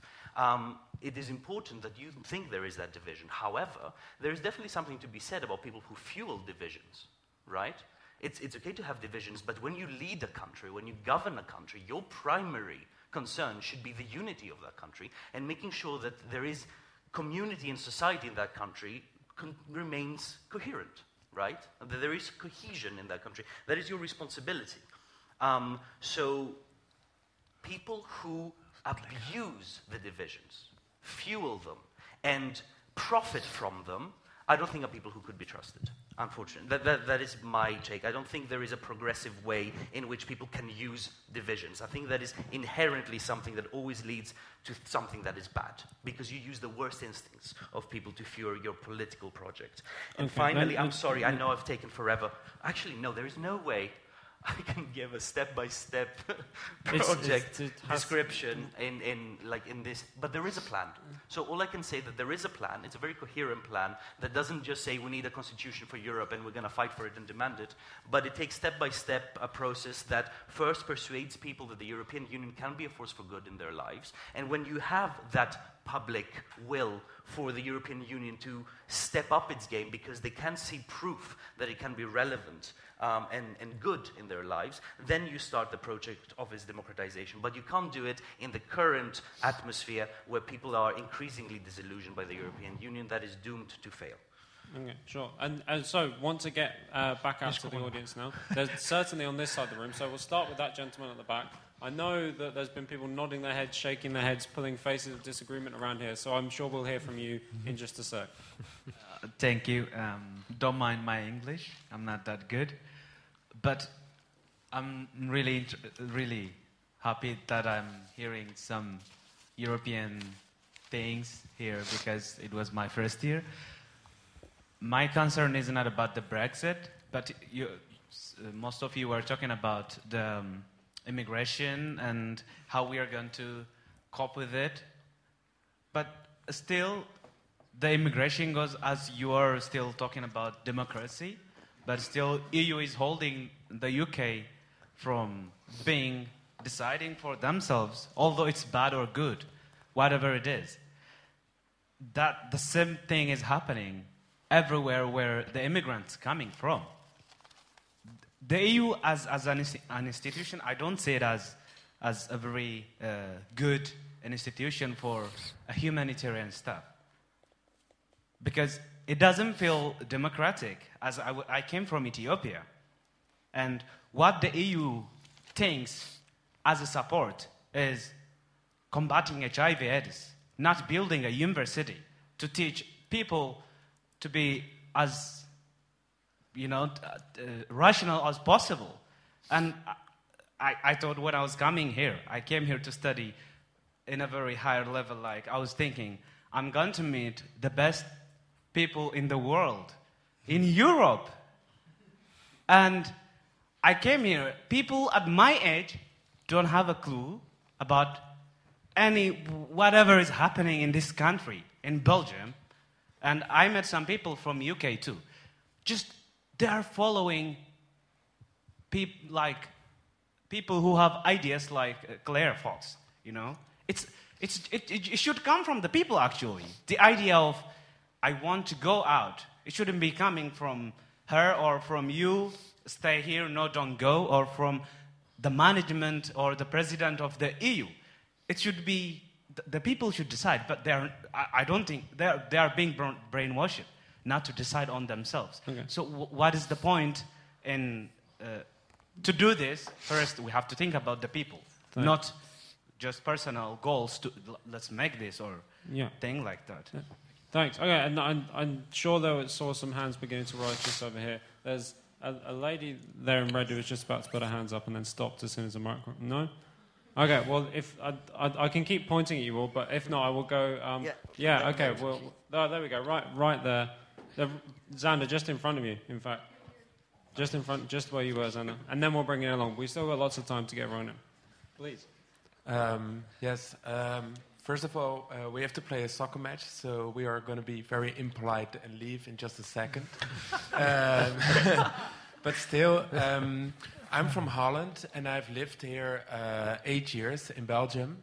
Uh, and I want, just wanted to say that um, Belgium is uh, not a country that works. Uh, Brussels is a shithole, actually. Um, and I think that is a, a really uh, uh, important distinction between the European Union and, and Belgium is that Belgium is a country where people are forced to live together, and the European Union is an institution where people or countries can apply for. There were even countries who, like Norway or Switzerland, uh, they stop the process. Um, and therefore, I think it's not a bad thing that Brexit is happening um, because now we can look forward. Uh, and I'm just interested in uh, your vision uh, about the future, like uh, climate change, uh, uh, maybe international taxing, um, how the European Union can be a solution to, to these transnational uh, topics. Okay, great. Thank you very much. So we'll uh, go to that lady in red there, and then we'll go across the room. I'm Albena Azmanova.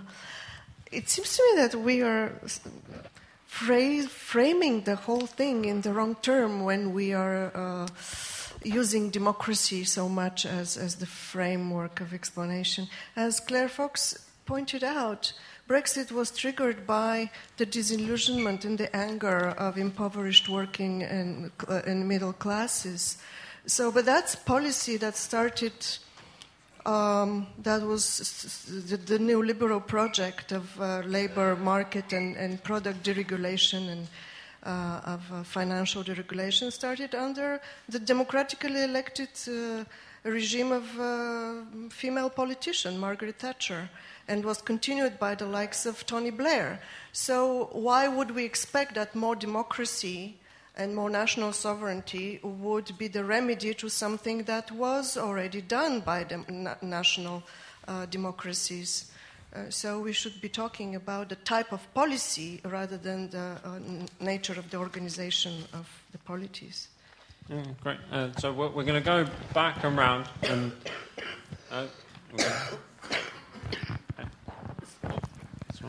That's all right. Thank you. Um, I have a rather simple question, actually. Um, if I hear some people in the audience and also in the panel, uh, uh, if Brexit is such a blessing and the EU is such a pain, why is it so hard to leave? God. And so. We keep and- asking the same question. Yes, yeah, why is it so hard to leave? And I- I'm going to give you three hunches, and, and maybe you can uh, react on that. Three quick ones. Well, one, three quick ones. Yeah, one is you could say, okay, it's captured by uh, the Westminster po- politicians who are getting in the way of the referendum. But there's been an election in the UK. There's also been a European election, and there's no stable majorities that came out of that. Secondly, you could say it's the cost of transition. You know, Brexit will be fine. It's just getting there, which is hard. So we have to get through it, uh, and then all will be fine. I doubt that, honestly. Uh, thirdly, you could say um, it's perhaps because there were enormous gains from trade and, and the internal market, also uh, the power of the EU in, in, in the world. It might actually uh, have benefits that you cannot establish otherwise. And so I wonder how will you react to that because it's been extraordinarily difficult to leave, uh, whereas you could have, and you might have, and you will perhaps, I hope. Uh, but so why is it so hard? To me, the European Union has a lot of problems, but it's good in one thing. And it is uh, to remind us of a very British thing is that you can't have your cake and eat it. And that's exactly what the English politicians have promised to their electorate to have their cake and eat it. It won't work. Okay, we're going to go, I think, over to this gentleman over here, then back into the middle for these people here. No. Hi, my name is Jake Pugh, another colleague of Claire's, not just here to support fantastic Claire. Um, I was really keen to avoid talking about specifically Brexit and UK politics, but Erik, I can't allow you to get away with it because actually it's the theft of language by the left that has been a major contributor to the rise of what you would describe as populism. The theft of the word progressive by the left is one of the most pernicious things that was begun by Tony Blair. So, because if you don't agree with me, I'm a progressive, you are regressive. An incredibly dangerous thing pioneered by Blair and his close uh, assistants. But forgetting British politics, I want to talk about two things. One is a very specific thing, EU focused. I was amazed how, in the construction of committees, so there are basically 20 committees in the European Union, broadly speaking, five chairmen. Parliament, yeah. And sorry, in sorry, beg pardon, in the Parliament. Uh, a chairman and, and four co-chairmen. Right? So basically, five, uh, 20 committees, five chairs and co-chairs, 100 in total. Those are meant to be allocated proportionately to D'Hondt, but on a gentleman's agreement. So ID gets 71 out of 750 MEPs. Systematically, sorry, yeah, ID gets 71. They've been systematically excluded from being chairs and vice chairs. That's crazy. Let, if you think you're a Euroscepticism in the Parliament, let it, let, give it its voice. But to systematically eliminate it, it's crazy. I joined Momentum for one reason and one reason only because I knew it would destroy the Labour Party. Give the voice to the idiots.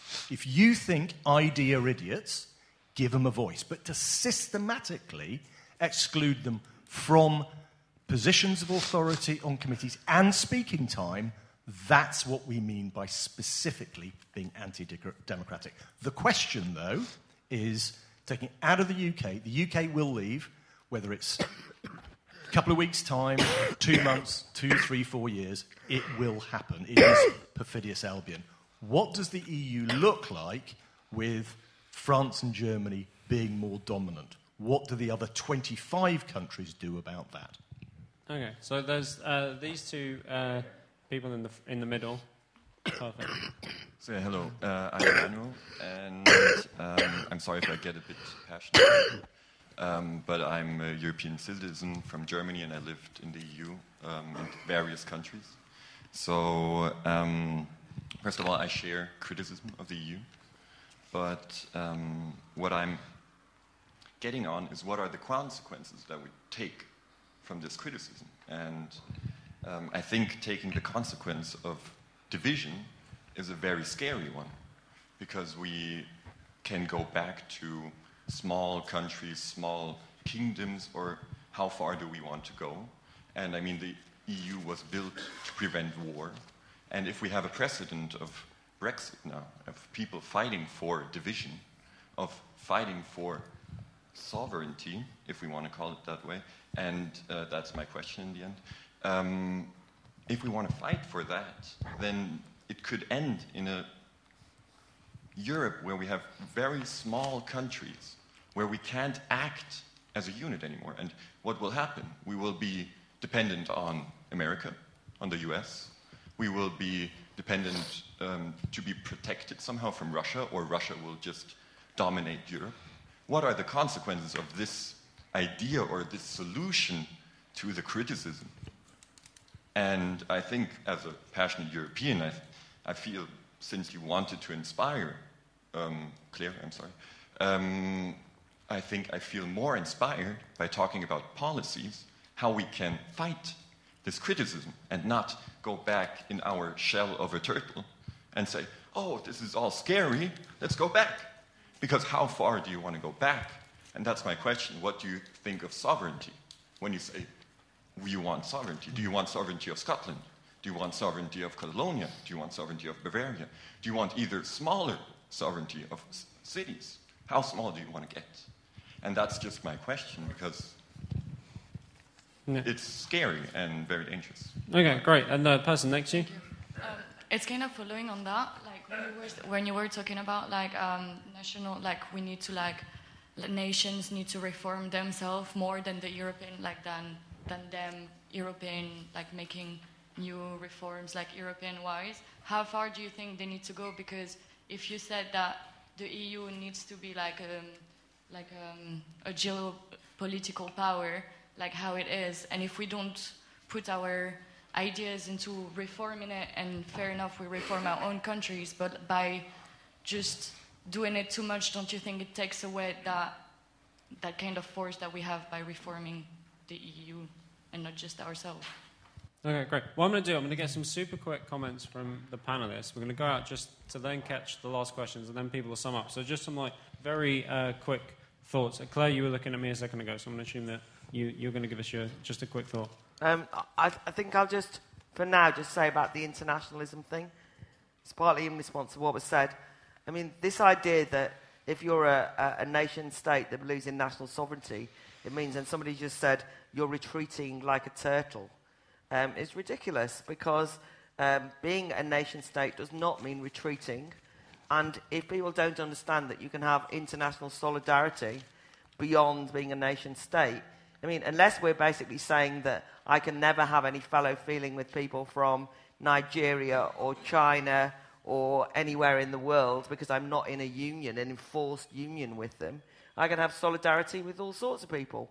The idea that we've got international solidarity by being in a forced European Union, when you look at what that European Union has done to, don't let's mention the Greeks or anything, right? I mean, my God, enforced, bitter, brutal austerity meted out on, you know, that kind of international solidarity we might all want to live without. Um, never mind, you know, never mind the fact that the Kurdish people at the moment are being slaughtered. And why they're being slaughtered Yes, because of what Donald Trump did, stupid foreign policy thing. But who has given Erdogan the power, the cash, the prestige to be able to assert himself in that region? Oh, it's the European Union. And why did they do that? They basically funded Erdogan. They funded Erdogan. They funded Erdogan to deal with the migration policy. They outsourced the dirty work, in their opinion, of migration to Erdogan, who has dumped, dumped refugees in barbaric camps in Libya. And, you know, what I'm saying is this we all live happily in the European Union, all get on very well.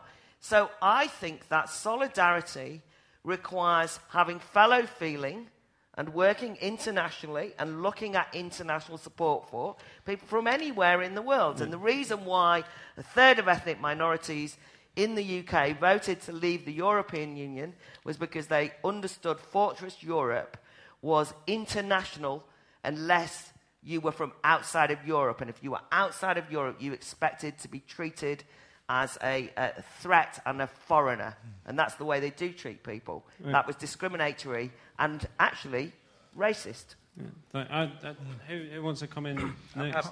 I, have, I, I oh. sure, Erik, Erik, Erik first. Erik first. Yeah, yeah? thank you. Um, I mean, so there is no they when it comes to the European Union, especially when it comes to the treaty with, the, with Turkey, because that's unfortunately a we. That's a bilateral treaty with all of our governments, including the UK and Absolutely. my own, Absolutely. and that we are, all our governments are responsible for. Which is to say, you know, like I said, I'm, I'm, I'm very critical of the European Union, but we need to be a bit surgical about what we're saying. And the idea that leaving the European Union, because the European Union is not humanitarian, is not, it's neoliberal, all these things, to go back to the United Kingdom, which is all of these things currently. And the people who are in power in the UK are all of those things on steroids to be honest, the Tory party in particular, um, is not really, and this is one of the reasons why people voted for Brexit, because voting to remain was not just a remain and reform.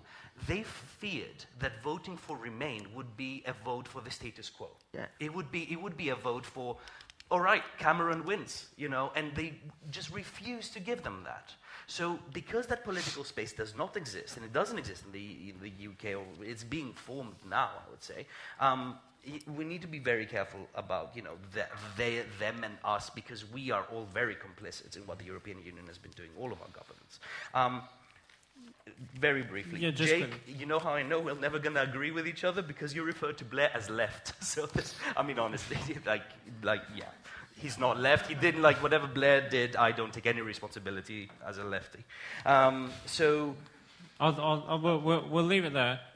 If, oh, uh, I had a really good point. Okay, never mind. If, uh, I'll, find you, you, a way to weasel it in later. You, you can close on it. Like, perhaps maybe, if you're desperate to get some things in, but equally, I'll maybe take the last hands, then we'll start with uh, you two again when we sum up. So, the final thought, we're going to be wrapping up slightly shortly. So, yes, there's this lady at the front here.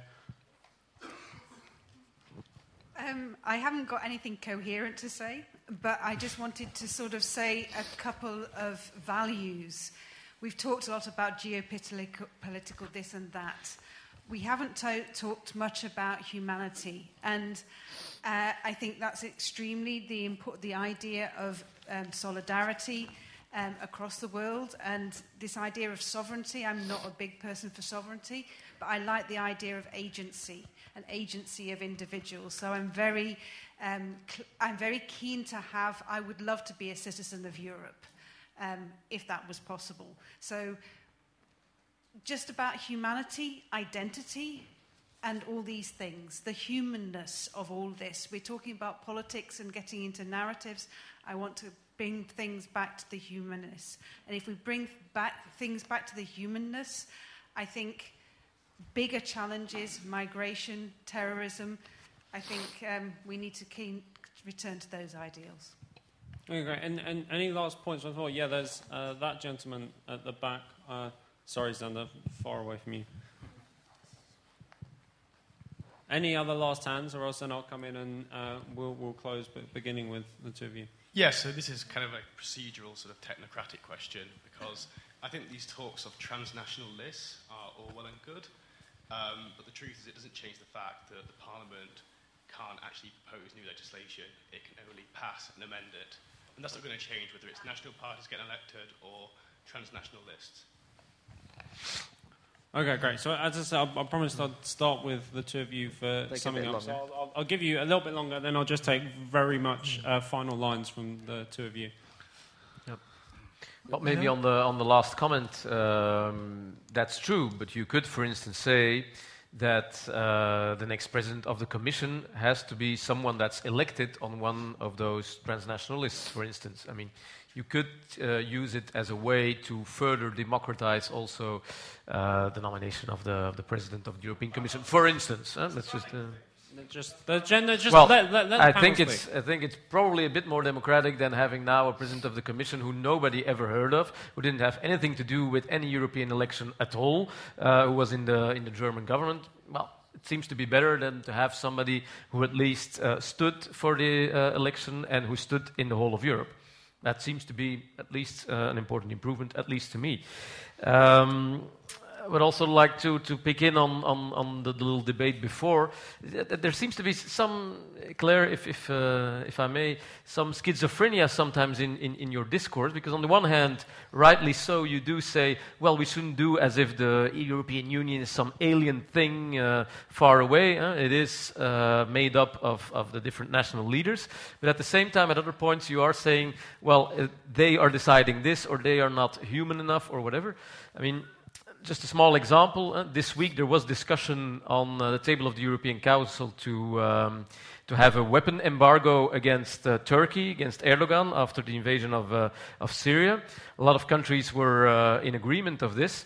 Uh, the country which was most against this was the UK. They blocked this. They also blocked a more clear statement of the European Union against, against Turkey. So on the one hand, the UK shouldn't complain. I mean, they, they have clearly a lot of power and a lot of national sovereignty uh, within the EU, and they should certainly not complain that the EU is not, uh, not strong enough in, uh, in reacting to, uh, to some of these threats. And then uh, maybe also something on, um, because close, what has yeah. also been mentioned a few times is, is uh, the, the EU as some kind of capitalist conspiracy, and that's a, a typical element of discourse in the, in, in the left.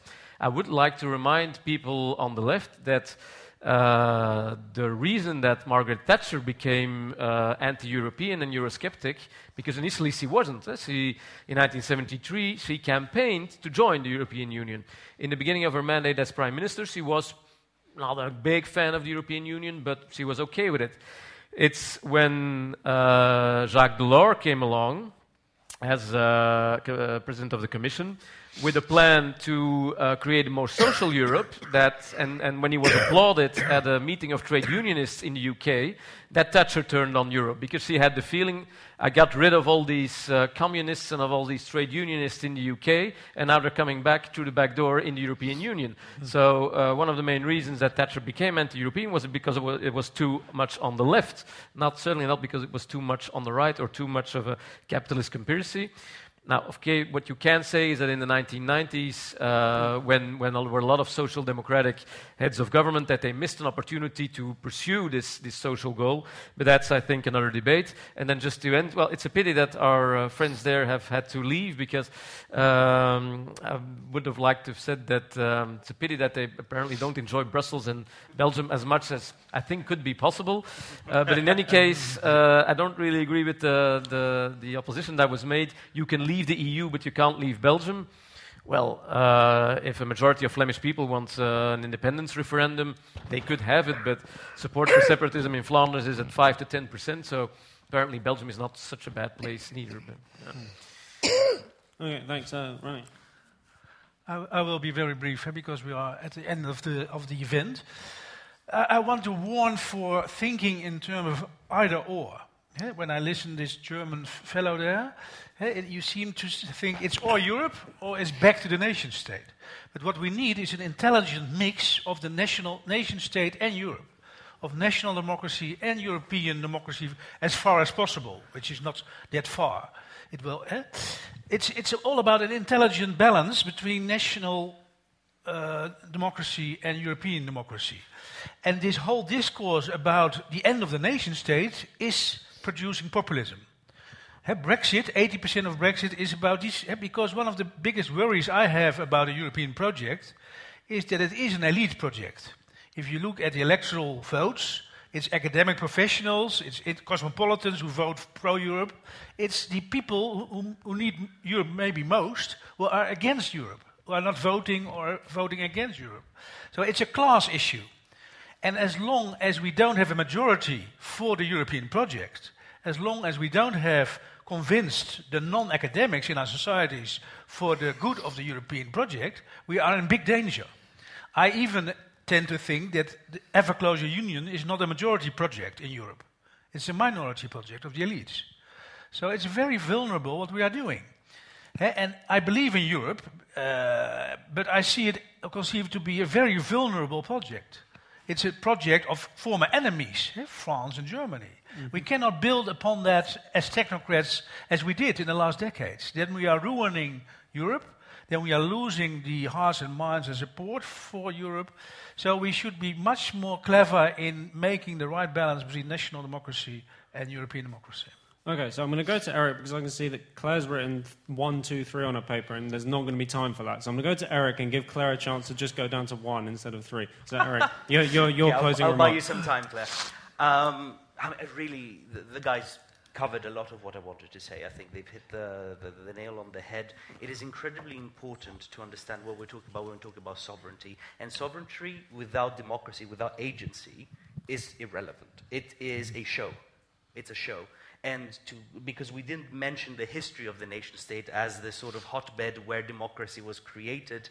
Well, as a Greek, I beg to differ, but um, at the same time, what I would say is that the very concept of the nation state was a concept created to control masses around a common project right? To give people who didn't have a common identity a common identity in order to direct their work, their struggle, the value that they produced, the wars that they fought against common enemies as perceived by the people in power, right? That is really essentially the origin of the nation state in the 17 and 1800s, if we want to take the historical route.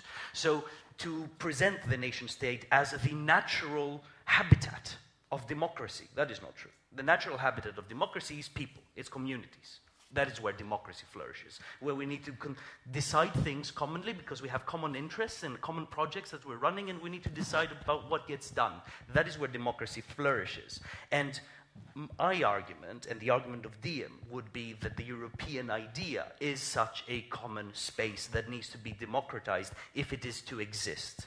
Because if it is to have the powers that it needs to have in order to fulfill its mandate of you know, preserving the interests of Europeans, being our voice in the world, um, helping us when it comes to climate, the climate crisis, refugee, migration, and so on, then it needs to be democratically controlled. That's it. Okay, and over to Claire for a final thought the basis of um, popular sovereignty, which is actually a fine left tradition you're familiar with, was based on national sovereignty. And you can't have popular sovereignty without national sovereignty, as many left wing philosophers have written far more than me. So just to bear that in mind. I, I, I think that the. Before I came here, I did a radio program with some people who were British politicians who were arguing for Remain, and they, uh, Labour Party and Liberal Democrat.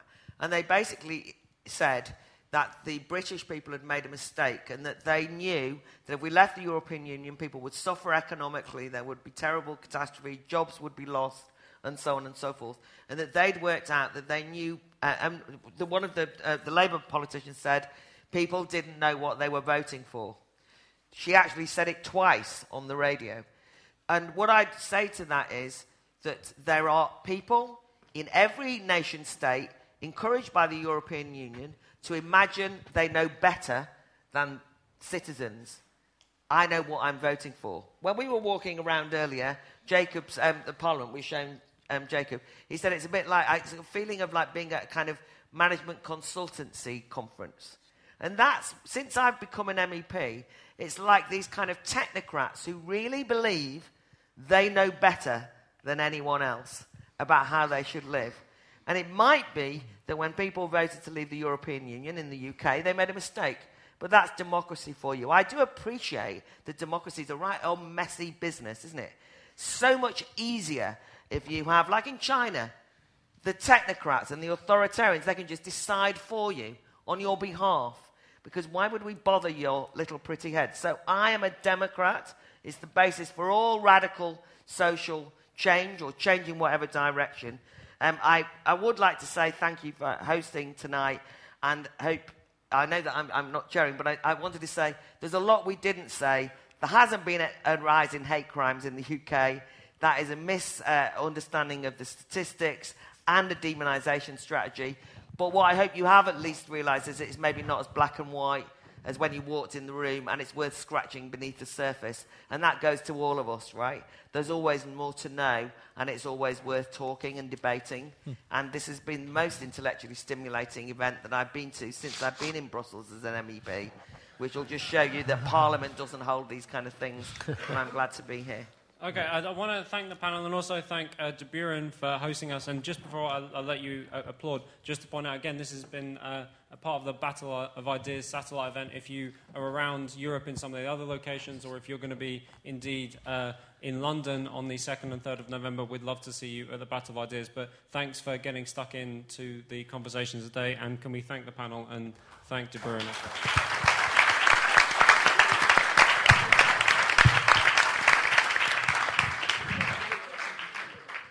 Je luisterde naar een podcast van De Buren, het Vlaams-Nederlands Huis voor Cultuur en Debat. Benieuwd naar ons literaire aanbod? Luister dan ook naar radioboeken, citybooks en andere audioverhalen. Ontdek ons podiumprogramma en al onze digitale producties op www.deburen.eu.